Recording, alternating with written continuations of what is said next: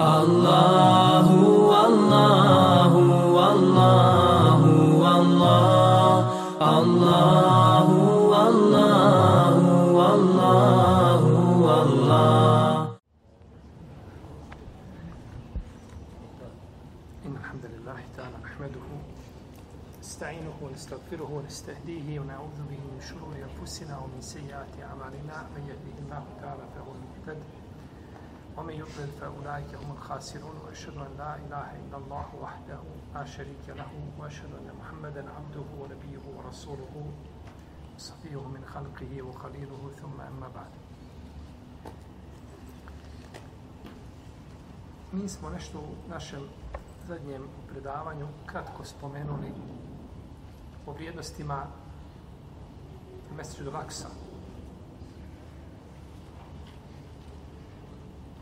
Spomenuli smo da je to prva kibla muslimana i da zbog toga ima posebnu vrijednost u srcu svakog vjernika. I spomenuli smo da je to druga džamija koja je izgrađena na zemlji nakon svetog hrama u Mekki i da je među njima 40 godina kako došlo od Isu Ebu Zara, Buhari, Muslima i drugi. I spomenuli smo da je namaz posebno vrijedan u toj džamiji. Je to jedna od tri džamije gdje namaz posebno vrijedi. I kazali smo da vrijedi tu namaz kao 500 namaza u drugoj džamiji po nekim rivajetima i spomenuli smo da je a, preferirano mišljenje u vezi s ovim pitanjem da vrijedi namaz u toj džamiji 250 namaza kao u drugim. Znači za četvrt namaza u odnosu na poslaniku u osam džamiju, kako došlo u hadisima koji su ispravni od ovih koji govore od 500 namaza, iako su oni poznati kod, kod ljudi. Ispomnili smo da Dejjal neće ući u Bejtul Maktis, kako je došlo u hadis kod imamo muslima, za razliku, oprostite, kako je došlo kod, ima, kod imama uh, Ahmeda u Musnedu, za razliku od Buhari i kod muslima koji nisu spomenuli nego Meku i, Meku i Medinu. Jeste. A, od odlika Bejtul Maktisa jeste što se nalazi u blagoslovljenoj zemlji. Uzvišeni Allah Azza wa kaže Subhanalladhi asra bi abdihi lejlen min al mesjidi al harami ila al mesjidi al aqsa allati barakna hawla. Alladhi barakna hawla. Neka je slavljen onaj koji je prenio roba svoga iz časnog u daleki mesjid u jednom dijelu noći. I mi smo učinili ono što je oko njega blagoslovljeni. pa je Mesđidu Laksa blagoslovljen i ono što je oko njega blagoslovljeno je a to je znači zemlja Šama i da nema druge odlike Bejtul Maktis osim ovo što smo spomenuli bilo bi dovoljno. Bilo bi dovoljno. Znači da je samo blagoslovljena da je blagoslovljena znači zemlja. I Mesto Laksa je isto tako mjesto odakle je poslanik Salsaneme krenuo na mjerađu Pa odabir da bude prenešen iz Mekke u Bejtul Makdis ukazuje znači da a, ovo mjesto ima posebno znači ima posebnu a, a, ulogu u din islamu. Musa, ali salam, od njegovog lijepog odnosa prema blagoslovljenoj zemlji, kako je došlo kod Buhari u Sahihu, jeste to došlo od Ise Buhorere da je poslao uzvišeni Allah. Ebu Hureyre poslao je e, uzvišeni Allah za ođel Musao ali selam, meleka smrti. Pa ga je Musa, ali selam udario i izbio mu jedno oko. Pa je nakon toga vratio se melek smrti gospodara za ođel. Kaže, poslao si me robu koji ne želi, koji ne želi smrt.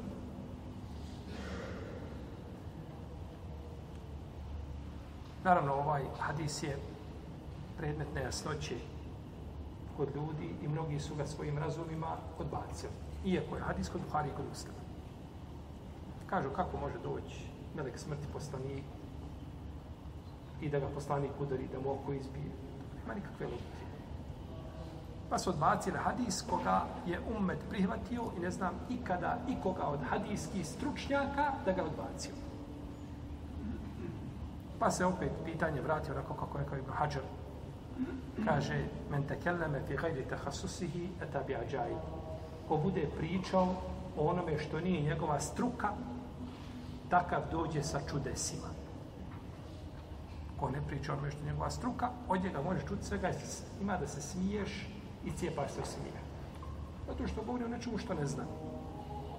Došao je melek smrti u obliku čovjeka. Ne zna ga Musa, da je I kaže, Musa, trebaš umreti. Tebi dođe neko i kaže, ti ćeš sada umreti. Mujo, sada ćeš umreti. Nepoznat čovjek došao u tvoju kuću, ušao i kaže, sada ćeš umreti. Šta bi ti njemu rekao? Nije ga poznat. Nakon kada se drugi put vratio i kada je Musa saznao šta je, kaže, pa dobro, šta nakon toga? Kaže, pa opet smrt. Kaže, recimo, neka stavi ruku svoju na kožu bola. I koliko god vlaka pokrije, toliko godina živi. Kaže, dobro, šta nakon toga, gospodar? Kaže, smrt. Kaže, onda sad, pa drugi put nije, nije protivio se. Jer znao čemu se radi. Upoznat kaže, ali gospodaru moj, kaže, približi me blagoslovenoj zemlji, kaže, da umrem u njoj. Kaže, poslanik sa osnovime rekao sahabima nakon toga, kaže, Buhurele, rekao poslanik sa osnovime, da sam, kaže, na tom mjestu pokazao, evo, kaže, njegov kabur, kaže, pod jednim, kaže, putem, pod jednom ješćanom humkom, pod jednim nanosom, je njegov kabur. Pokazao bi kabur posle, da je bio gdje? u blagoslovnoj zemlji, znači, pokazao bi kabur Musa, ali sram.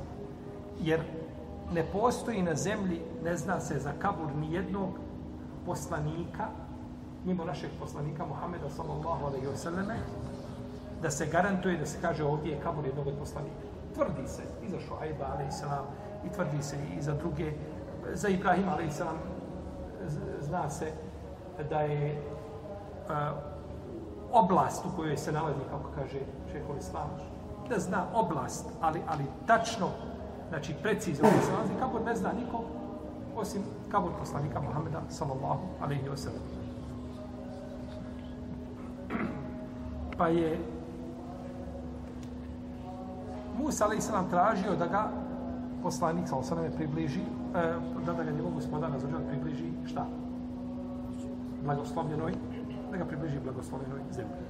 Kaže, imam neovi u komentaru ovoga hadisa, kaže, tražio da ga je približi zbog vrijednosti te zemlje, u njoj se bilo najviše poslanika. Najviše poslanika je došlo taj predio, Džezira, ne znam, Šam i slično tome. To su bili poslanici, nisu izlazili van tog, van tog kruga.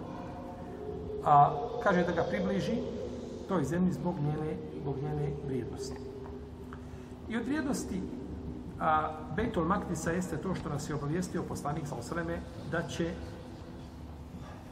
da će biti Bejtul Maktis a, oslobođen došlo što Buhari u Sahihu, Taufa ibn Malika, kaže, za vrijeme pohoda na Tebu, otišao sam, kaže, da je objesnik sallallahu alaihi vseleme, pa je, pa sam ga našao u jednom kožnom šatu, pa mi je rekao, kaže, upamti šest stvari pred sudnji dan.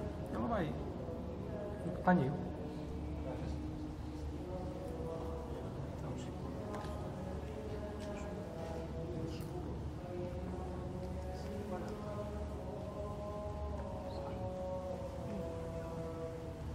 Jednom je poslanik klanjao akšam, pa je učio suru na Araf. Na akšam. pa rekao da nisu odabrali danas da praktikuju taj sunnet. Znači, od učenjaka je učenje na akšamu je kraće. A, ali ima rivajet, znači, vjerodostojno je poslanik učio na, kaže Ibn Molepin, jedne sa prilika je sakupio ljude, kaže, pa sam učio im na akšamu, sura Al-Araf. Kaže da ne umrem, ali nisam praktikovao taj sunnet.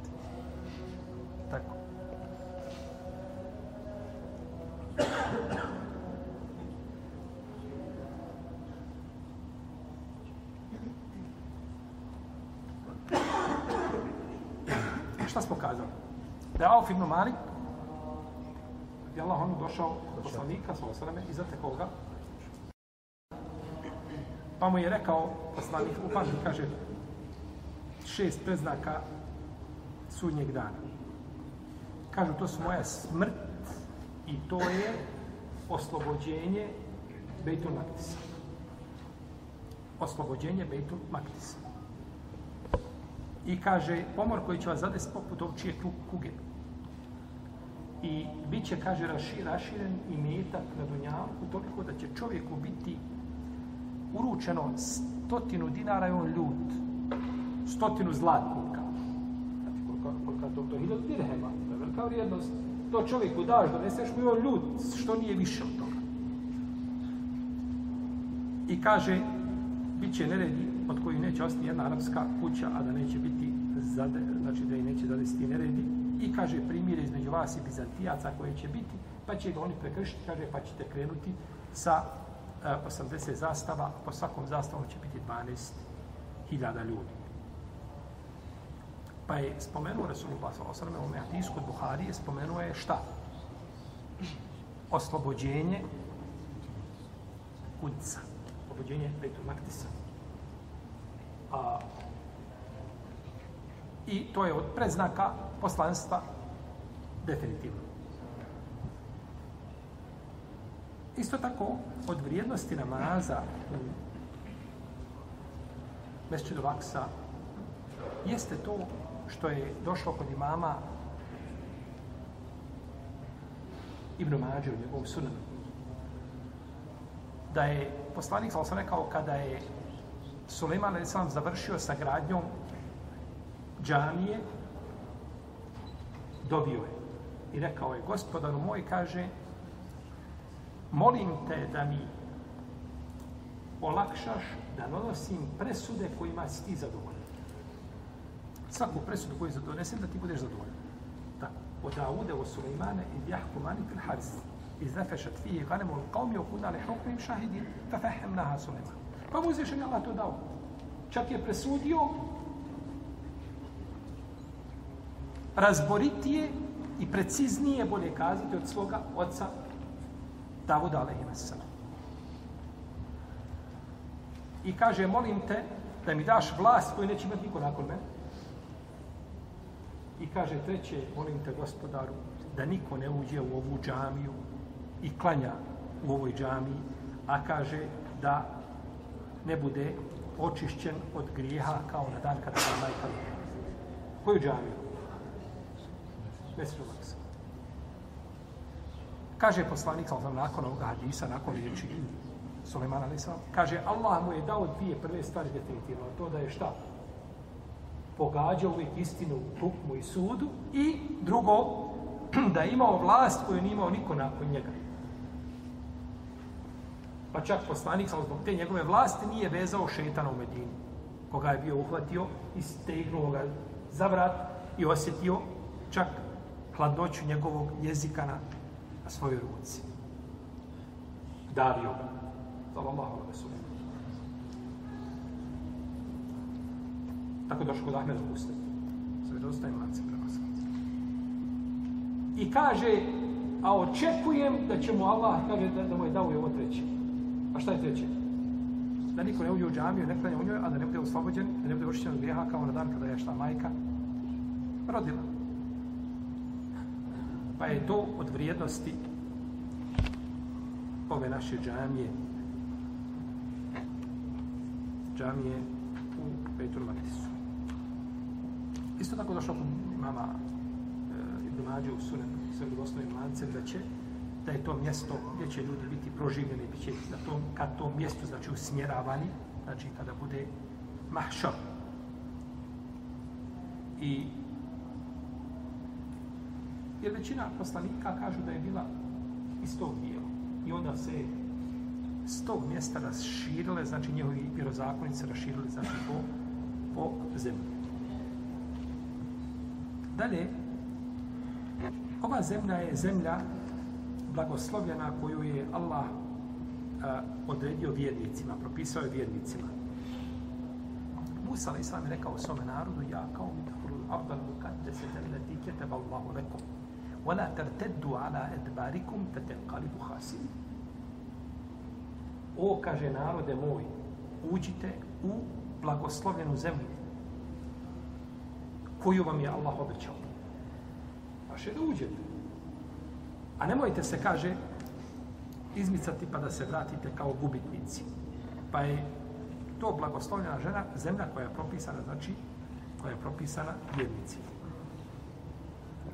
Isto tako, od vrijednosti ove zemlje jeste što je Ibrahim ali sam učinio hidžu učinio hidžu u ovu zemlju. Oneđajnahu olutan ila l'ardi leti barakna fiha lil alemin. I mi smo ga izbavili u zemlju koju smo učinili blagoslovljenom svjetom. Pa je blagoslov u toj zemlji, u zemlji znači u zemlji Šama. I tu će biti završetak, tu će biti kraj, konačnica jednom velikom iskušenju na Dunjavu. A to je Jeđuž i Međuž. On će doći tu, pa će se sam sakriti tako na, u goru sa vjernicima uzvišeni Allah će mu kazati ja sam poslao moje robove, ne možete boriti protiv njih. To nije vaše. Allah će uništiti. Pa će poslati crve koji će uništiti. Tako došlo kod muslima u Sahiju. I došlo je da će tu biti još veće iskušenje od Džuđa i Međuđa. A to je Dajjal. Najveće iskušenje. Pa će mu doći Isa Isa. Pa će ga ubiti kod vrata lud. Kada ga vidi, počeće se topiti. Od straha. Topi se. Ali ga neće Allahu poslanik ostaviti, nego da pokaže pred ljudima da on nije božanstvo kao što je tvrdio, pa će ga ubiti. I to će sve biti u blagoslovnoj zemlji.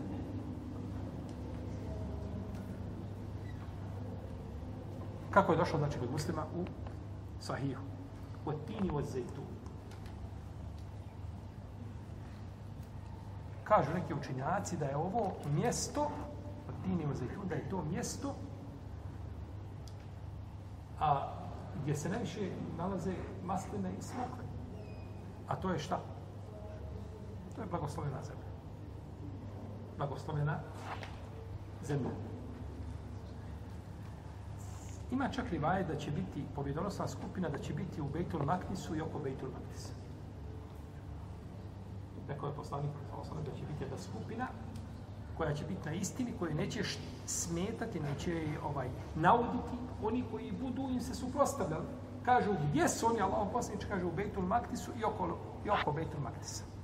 Međutim, taj rivajet, on, on je kod imama Ahmeda u Muslimu, on, on nije vjerodostojan. Jer kod Buhari kod muslima ne spominje se Bejtul Maktis, nego kaže, bit će jedna skupina, bit će na istini, stalno, u sudnjeg dana, a se ne spominje Bejtul Maktis. Imaju rivajeti koji ukazuju na ovo, da li bi se mogli pojačati krajnje upitno. Uglavnom, to je došlo, kao što je došlo, e, došlo u stvari kod Buhari, kod muslima došla, e, tefsir toga je došao od Muaze ibn Džebela da je rekao, kaže, to je u Šamu. Oni su u Šamu.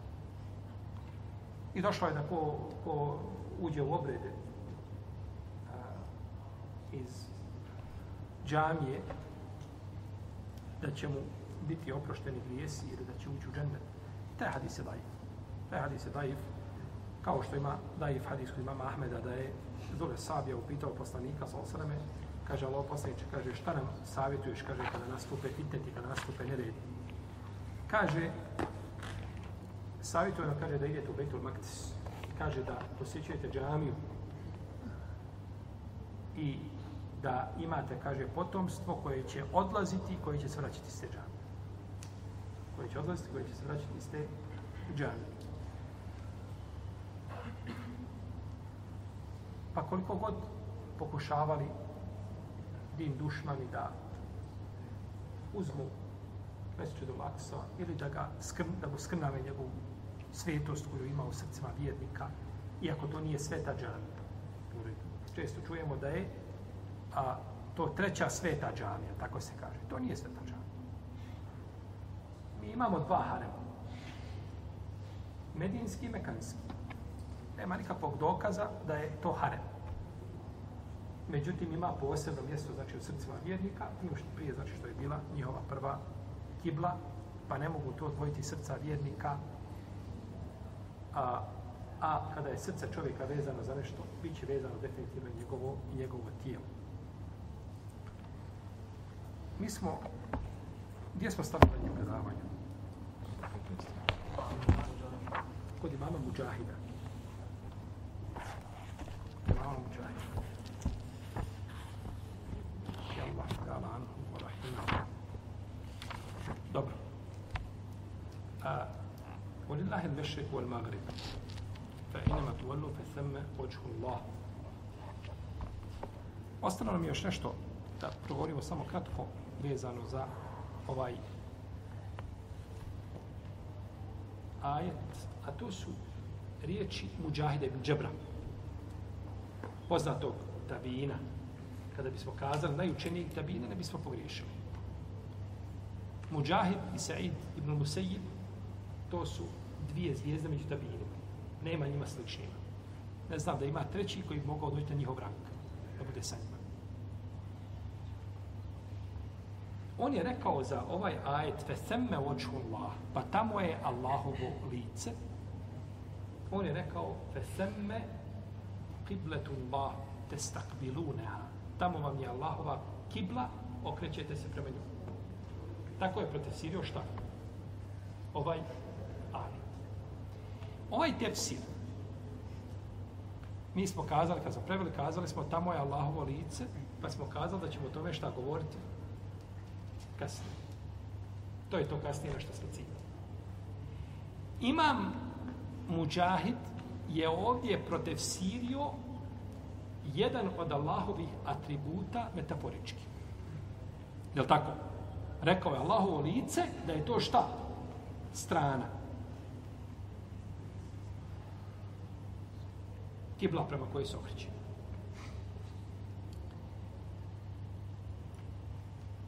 Šehol Islam ibn Taymiye jedne prilike imao jednu raspravu sa džehmijama. Pa im je rekao, kaže, daću vam, kaže, tri godine da tražite po knjigama koje je to metaforički od Selefa, od prve tri generacije, da je protumačio neko od Allahovi svojstava, njegovih atributa, metaforički. Kaže, pa su otišli, pa su prevrtali knjige. Nema, kaže, knjige da, je, da su je ostale, nisu, kaže, prevrnuli. Tražeći dokaze. Kaže, pa su im došli, kažu, imamo. Imamo, kaže, dokaze da je to Selef radio, da je to put bio Selef. Jer imate na tako put Selefa, imate put Halefa. Prvi i potonji generacija. Prve generacije su to tefsirano onako kako jesu. To je pripisivalo ono što je se uzvišen Allah pripisao, bez uloženja u kakvoću. Dok su potonje generacije, mnogi učenjaci potonje generacije, to metaforički tumačili. Pa su kazali, imamo mi dokaz. Kaže, pa mi je odma kaže, na um pao, kaže ovaj rivaj. Kaže, da slučajno, kaže, nije vezano za muđahide i za kiblu. E, kaže, jeste. Baš to što, to, to je vezano. Tako je spominio u drugom tomu svome redolu džemije. Na 161. i 162. strani spominje tu priču. Kaže, Da nije to, kaže, jest. Pa kaže, niste pogodili. Niste u pravu. Kako nismo u pravu? Fe semme očku Allah, tamo je Allahovo lice, muđahid rekao kibla. Kako nije metaforički? Kaže, niste razumjeli. Ovdje je oč od riječi viđhe, a to je strana. Znači, opće se misli šta na atribut, nego se misli na šta, tamo je Allahova strana kibla prema kojoj se može okrenuti. Pa opće nije to, jer arapski jezik to podržava u potpunosti. Pa opće nije ciran atribut. Kaže, to nije, to je, kaže, poznato, to je spomenuo, kaže, imam El Bejhekli u svome dijelu, El Esmao Osifat, Sifat, bilježi to lancima prenosilaca od imama Šafije i prije njega od Mujahida i Džebra i kaže, oni su to, ali kaže, ovaj, to opće nije, to nije tumačenje. To nije bilo Allahov atribut, pa ga oni metaforički tumače, nego opće se ne radi o čemu? O atributu, u startu. Pa nema, kaže, tumačenje. Nema, nema, nema metaforičkog tumačenja, pa niste, kaže, niste, niste u pravu. Tako da, ovaj, a, jer definitivno oni koji su ovako protefsirili od Selefa ovaj ajet, oni kažu da će čovjek na sudnjem danu gledati u lice svoga gospodara. Za razliku oni koji metaforičke tumače, oni kažu neće, neće to desiti. Gledati u lice, u džuhu jeume idem nadire ila robbiha nadire, kaže to se misli da će gledati u nagradu Allahu koji će, neće gledati u gospodara za To je znači to razilaženje između Selefa i Halefa poznato ovaj kroz generacije, a nema sumnje da je mesel i put u razumijevanju Allahovih atributa kad je riječ o Selefu, on je tu definitivno a, ispravniji, jači i ne može ništa biti ispravniji od onoga čime je došao, znači, a, naš Selef, naše prve generacije.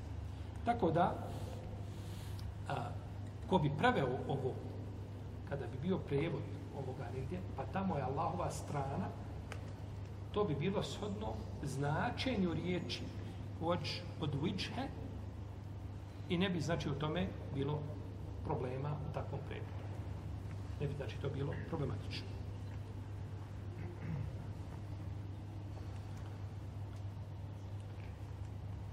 Dobro.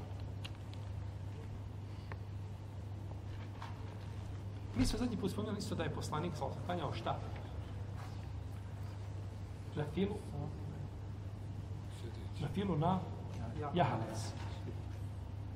Pa su mi posle predavanja došla su neka braća, kažu, je to tako i za fars? Nije, to mi smo govorili na fili. Znači, na putu se samo na fila može klanjati sjedeći. Ne možeš fars. Kad je vrijeme podne, staneš, parkiraš na parkiralište, iziđeš, i obaviš namaz, znači kako ga treba obaviti stojeći. A ne možeš sjediti.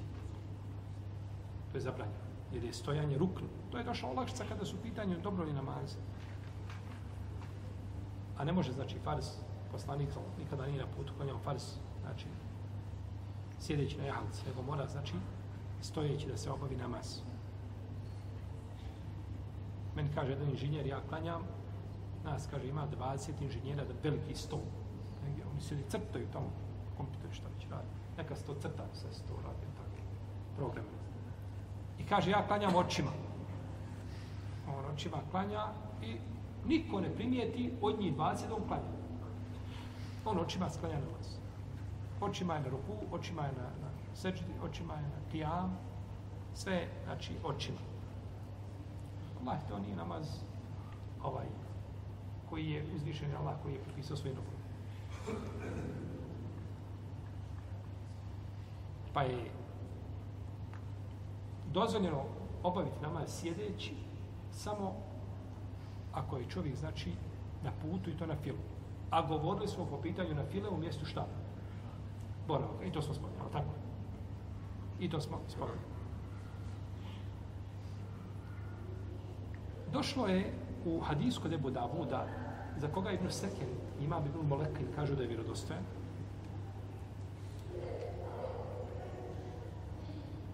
od Enesa Ibn Malika da je rekao kada bi poslanik sa osvrame klanjao namaze na putu počeo bi namaz okrenut misli se na sunnete na file ne na sunnete, izvinite, na file razlika da se sunneti ne klanjaju na putu nego na file klanja duha namaz, klanja istiharu namaz, sunenu vodu, klanja noći namaz, jel u redu? To se klanja na putu. A sunneti se ne klanja, koji, su, koji se tiču propisani šta? Namaza.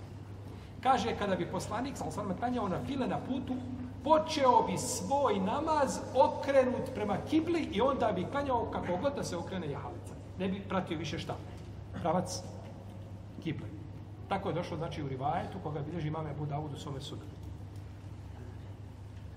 Na osnovu ovoga rivajeta kažu hambelijski i šafijski učenjaci da čovjek koji klanja sunnete da je dužan početi namaz prema šta? Kibli. Pa onda kako god se jahalica kretala, ne mora prati pravac kible. Ali mora kod Allahu Ekbar, kod početnog tekbira mora biti okrenut šta u pravcu ili da kažemo prema strani kibla. Za razliku od Hanefija i, Hanbel, i, i Malikija koji kažu to nije dužnost. Ako uradi, hajde bereket, ako ne uradi ništa, nije, nije obavezan. Nije obavezan znači da tako, da tako postupi.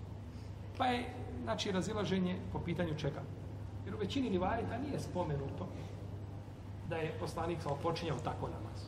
Ali dok je došao jedan rivajet, nema sumnje da je to preče i bolje, ali da li je obavezno, to se vraća na jedno posebno pitanje koje se tiče usulu fika. Ko će nam spomenuti na šta se to vraća? To smo više puta ovdje spomenuli. Hm?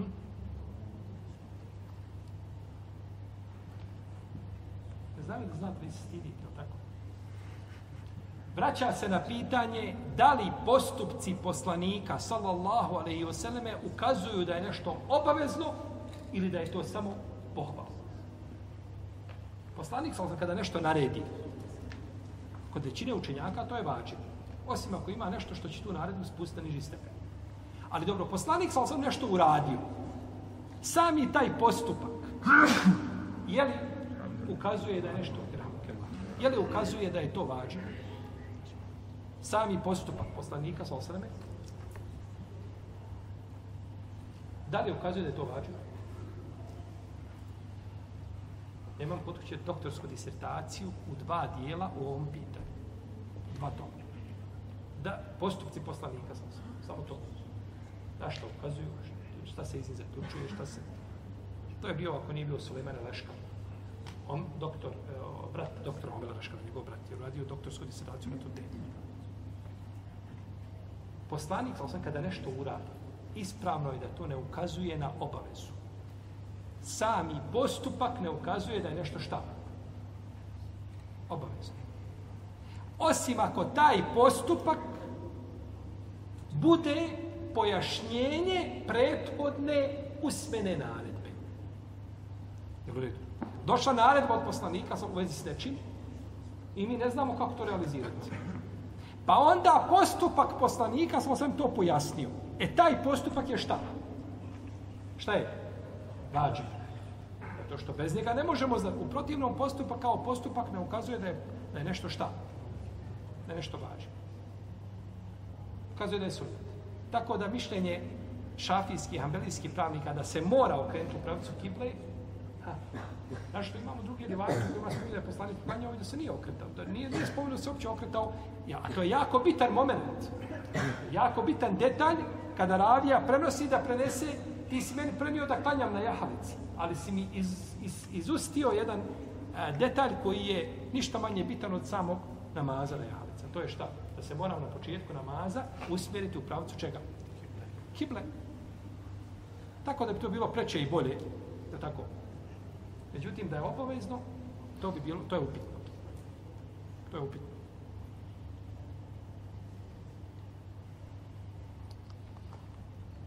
Pa je namaz na jahalici dozvoljen bez razilaženja među učenjacima, kako kaže imam neuju svome djelu među muvom.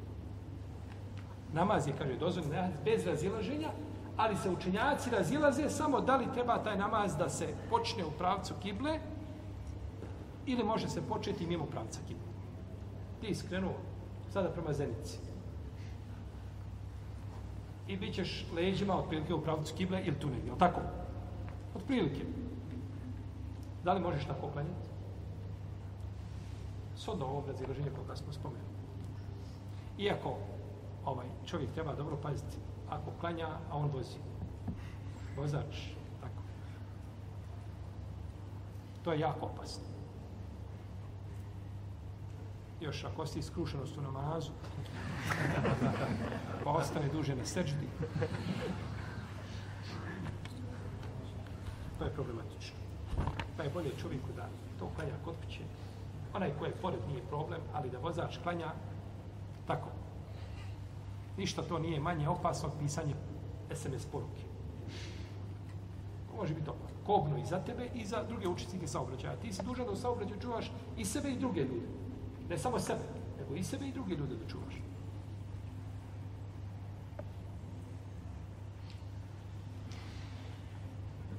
Dobro. Ovim ćemo, ovim smo inša Allah završili ولله المشرق والمغرب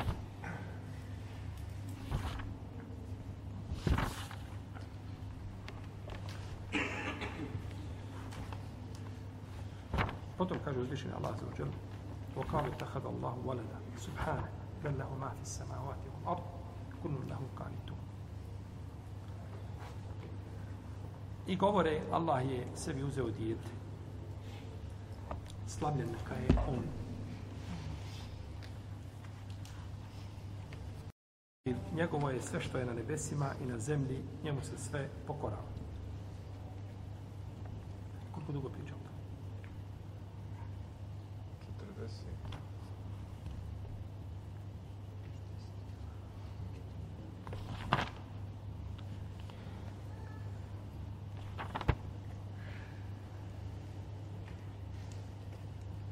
Dobro, ovaj ajet je kratak. Ćemo ga završiti. inša Allah. I oni govore.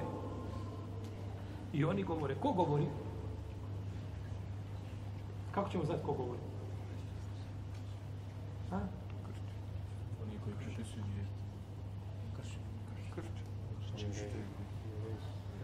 Vratimo se na kontekst. Neće biti u, u Kur'anu učeno i kažu, ko kaže? To je spomenuto ko kaže. Vratimo se nazad. وقالت اليهود ليست النصارى على شيء وقالت النصارى ليست اليهود على شيء وهم يتلون الكتاب كذلك قال الذين لا كذلك قال الذين لا يعلمون مثل قولهم I govore, jevreji, kršćani nisu ni na čemu.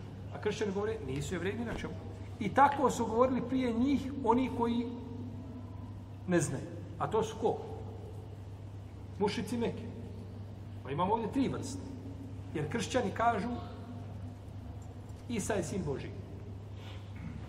Jevreji kažu Uzeir je sin Boži. Mušici Meke govore šta? Meleki su Allahove kćerke. Pa ja je došao za njih. Učenjaci kažu, jedni kažu odnosi se na kršćane, drugi kažu odnosi se na jevreje, treći kažu odnosi se na, na, na mušrike. Ovdje se kaže u lokalu i govore. Oni svi to govore. Pa su, da tako, pripisali ovaj, ili govorilo Allahu bez znanja, da su meleki Allahove kćerke. Jevreji su govorili, to se kasnije kod njih pojavilo, da je, da je Isa sin Boži i da je kršćani. Jevreji kažu da je Uzeir sin Boži. Uzeir nije bio poslanik. Došlo u hadisku da je da je poslanik osram rekao, kaže, ne znam da li je Tubba proklet ili nije proklet. I ne znam da li je Uzeir poslanik ili nije poslanik. Kaže poslanik, ne znam. Za njih dvojicu ne znam. Pa je došao drugi hadis koji ima dobar lanac prenosilaca, kako kaže Imam El Busiri, da je poslanik, sa osam rekao, nemojte vrijeđati Tubea, kaže on je primio islam. Pa je Tubea izuzet sad iz ovog prvog hadisa. Ostao nam je neriješen ko? Uzeid. Uzeid nam je ostao neriješen. Kaže je poslanik, ne znam da li je poslanik. Mi da bismo kazali da je neko poslanik, moramo zato imati šta?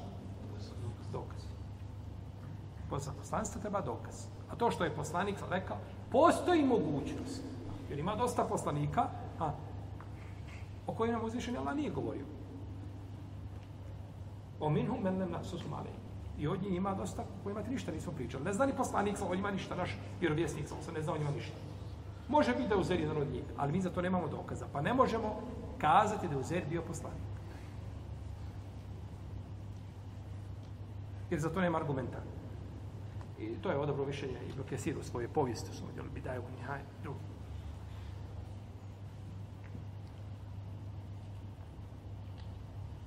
Pa Uzeir znači nije šta? Nije poslanik. Uzeir nije poslanik. Kad neki učinjaci kažu da je Uzeir, da je to čovjek koji je spomenut sura Al-Bekare. Kao kellezi merra ala karijetin وهي قاوية على عروشها قال أن يحيي هذه الله بعد موتها فأماته الله مئة عام ثم بعث قال كم لبست قال لبست يوما وبعد i do kraja ajeta. Kao onaj koji je prošao pored jednog opustošenog sela, no tako, pa se zapitao ko će ovo živjeti, pa ga ulja izvršenja Allah usmrtio stotinu godina. Pa on mislio da je ostao dan ili dio dan. Kažu, to je bio uzir. Međutim, da li ima za to dokaz? Ne znam. Mislim, i sunneta poslanika sa osam. A kao tefsir, jeli, to, je, to se, jeli, spominje.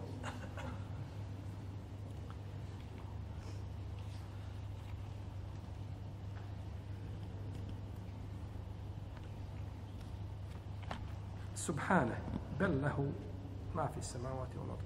Slavljen neka je Allah. Njemu pripada ono što je na nebesima, ono što je na zemlji. Kaže poslanik u hadisu koga bilježi imam Buhari u svome sahihu, kaže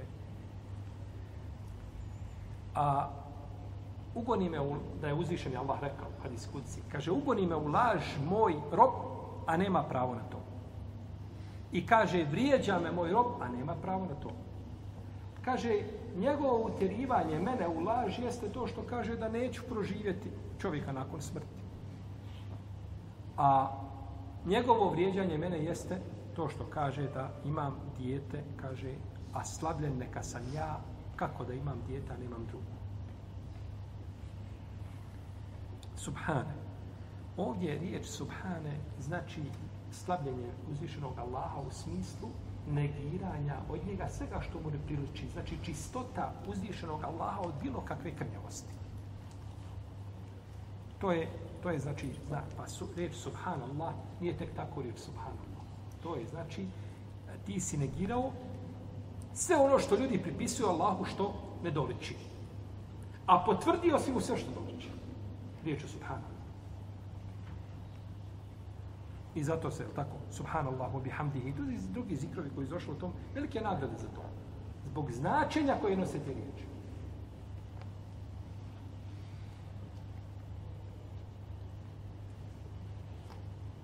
Ena je hunu lehu voledu, volem te lehu sahibe. Kako da ima dijete, a nema, a nema druge.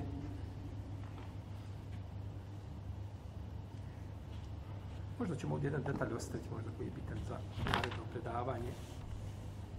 Ovdje je spomenuta e, ovaj, a, druga, kako da ima djeta, nema drugi. Zauđe, imra, sahibe. Ista značenja. I došla sa u Kur'anu. Pa možemo, ako uzmemo vremena, možda ne zaborimo naredni put o tome nešto progovorimo. Njemu pripada sve što je na nebesima i sve što je na zemlji. Sve je to njegovo vlasništvo. I on je stvoritelj, znači, Tebara Kretala, svega toga. Pa ne može, znači, imati, jer žena treba biti od iste vrste. I dijete bio od iste vrste. Pa bi onda, znači, i žena imala pri sebi božanski svojstava i dijete. A to je, a to je nemoguće to je nemoguće. A وقالوا اتخذ الله ولدا لك جئتم شيء إدا تكاد السماوات يتفطرن منه وتنشق الأرض وتخذ الجبال حدا أن دعوا للرحمن ولدا وما ينبغي للرحمن أن يتخذ ولدا uzvišen je Allah u suri Merjem je is, znači, iskorijena srušio ovo ubiđenje. Kaže i govore Allah je sebi uzeo dijete. Kaže nešto krupno govorite samo što se zemlja, samo što se nebesa nisu raspala od toga i zemlja provalila i brda zdrobila. Da se bude uništeno zbog tih riječi koje ljudi govore, da je uzvišen Allah sebi uzeo šta? Jer to je direktno znači put u širk. da postoji još ovaj, da ima stvoritelj, da ima dijete koje ima, znači, svojstva stvoritelja. Pa je, ovdje se kaže, oni su kazali, Otakad Allahu voleda. Allah je sebi uzeo dijete. Jel se dijete uzima? Kaže se, Otahada bejten, uzeo je sebi kuću. Otahada arda, uzeo je sebi zemlju. Priuštio je sebi. To se ne kaže za dijete. Dijete dolazi kao produkt potrebe. Je li dijete potpunost ili krnjavost? Kod čovjeka dijete upotpunjava, a kod gospodara je to krnjavost. Jer je dijete potreba, to je potreba čovjeka za njega. Koliko žena ima koje Allah nije obskrbio muškaraca, kaže kad će svoje dijete povesti za ruku. To je njemu jedina mašta u životu. Na kraju usvoji dijete. Jer je to potreba čovjeka. I dolazi kao produkt potrebe za šehvetama i prohtjevima. Jer da je uzvišen Allah nije stvorio čovjeku, ne bi se, na, na, znači ne bi se nastavila ljudska vrsta. Kod gospodara je sve to manjkavost. Pa sama njihova riječ koju su potrijebili ovdje, ne može se koristiti tako. Jer to tako, znači, a, jer to nije vezano, znači, za, za živa bića na takav način. Mislimo konkretno za djecu, jer to šlo u hadisu e, kod Ibn Omara, kod, kod muslima sa u meni, tehade kelben gajde kelbe sajdin. Ko sebi priušti, uzme psa, mimo psa, za lov. Toliko i toliko mu biva umanjeno svaki dan šta. A to se ne može kazati i tehade volede. Tako se ne može kazati. Pa su oni, u osnovi ta riječ koja je upotrebljena ukazuje da je njihov, njihova tvrdnja šta? Pogrešna. Njihova tvrdnja pogrešna. Drugo, kunu lehu kanitun. I sve je njemu pokorno. Sve mu je pokorno milom ili silom. Čovjek koji ne vjeruje gospodara, on ne može izaći van okvira pravilnika koga uzvišen je Allah postavio na zemlji. Moraš jesti, moraš piti, moraš disati. Aj, hajde moj disati. Nemaš te opcije. Moraš, mo, tvoj hlad seždu čini Allahu. Hajde, digni svoj hlad sa zemlje da ne padne Allahu na seždu. I samo u svemu tome neće da mu bude pokoran kad su pitanju, jel tako, i badati. I obožavanje stvoritelja, tabarake, oteana.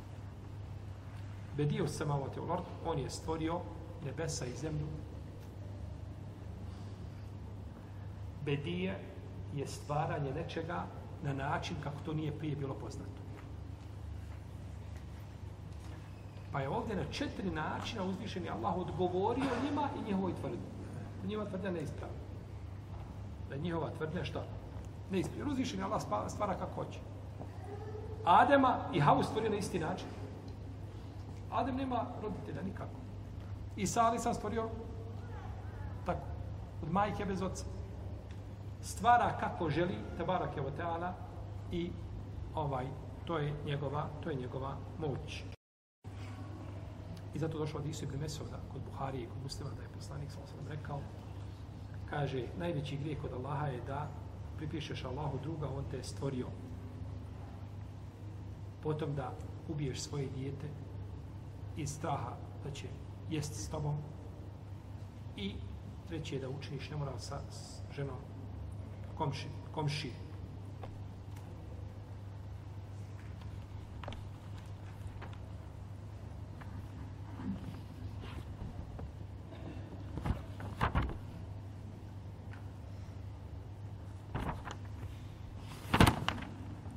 kullu lahu kanitu. I sve se to njemu pokorava. Kunut u arapskom jeziku je u stvari dugostojanje. I zato se kaže afdalu salati tulu kunut. Najbolji namaz je onaj kome ima dugi kunut, dugostojanje. Jer učenjaci se razilaze, je li bolji namaz, jer bolje kanjati više rekiata, pa da imaš više seđdi, jer je čovjek Allahu najbliži na seđdi, Ili je bolje klanjati dva ili četiri rekiata, a da dugo stojiš i da učiš. I to je poznato razloženje među učenjacima. Oni koji kažu da je bolje da stojiš dugo u namazu i da više učiš Kur'an, oni koriste ovaj hadis koji kod muslima u sahiju. Najbolji namaz je namaz u kome se šta dugo? Dugo stoji. Za razliku od onih koji tako koriste hadise vezane za seždu ovaj, i ajete koji govore o seždi i tako dalje, oni kažu bolje je, je li bolje je namaz u kome ima više seđdi, više rekiata. Naravno, ovo ne znači ovaj pretjerano brzo klanjanje, pa da čovjek ili ima samo što... Ne, nego, znači da to bude namaz koji je upotpunio minimum ispravnog namaza, ali da ima pri sebi šta više seždi, a drugi ima više, znači, odnosno duže vremena se provodi na kijamu.